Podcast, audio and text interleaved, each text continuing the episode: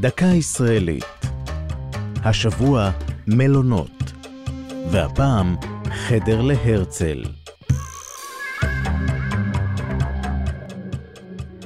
בירושלים על דרך יפו, במקום גבוה ונעים, עומד בית המלון שלנו עם חדרים מרווחים ומפוארים.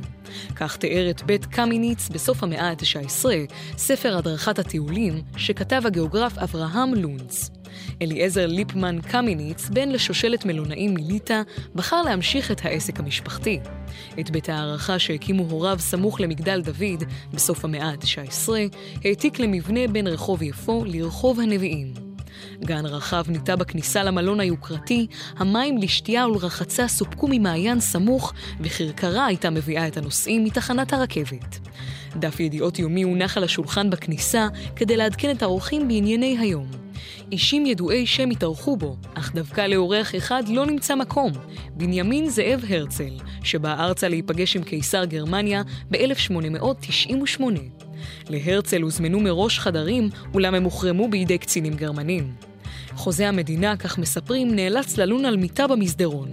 העות'מאנים הפקיעו את מלון קמיניץ מבעליו עם פרוץ מלחמת העולם הראשונה, ומאז לא שבה תהילתו. כיום משמש הבניין הרעוע למגורים. זו הייתה דקה ישראלית על מלונות וחדר להרצל. כתבה טליה כהן, ייעוץ האדריכל דוד קרויאנקר, הגישה עמלי חביב פרגון.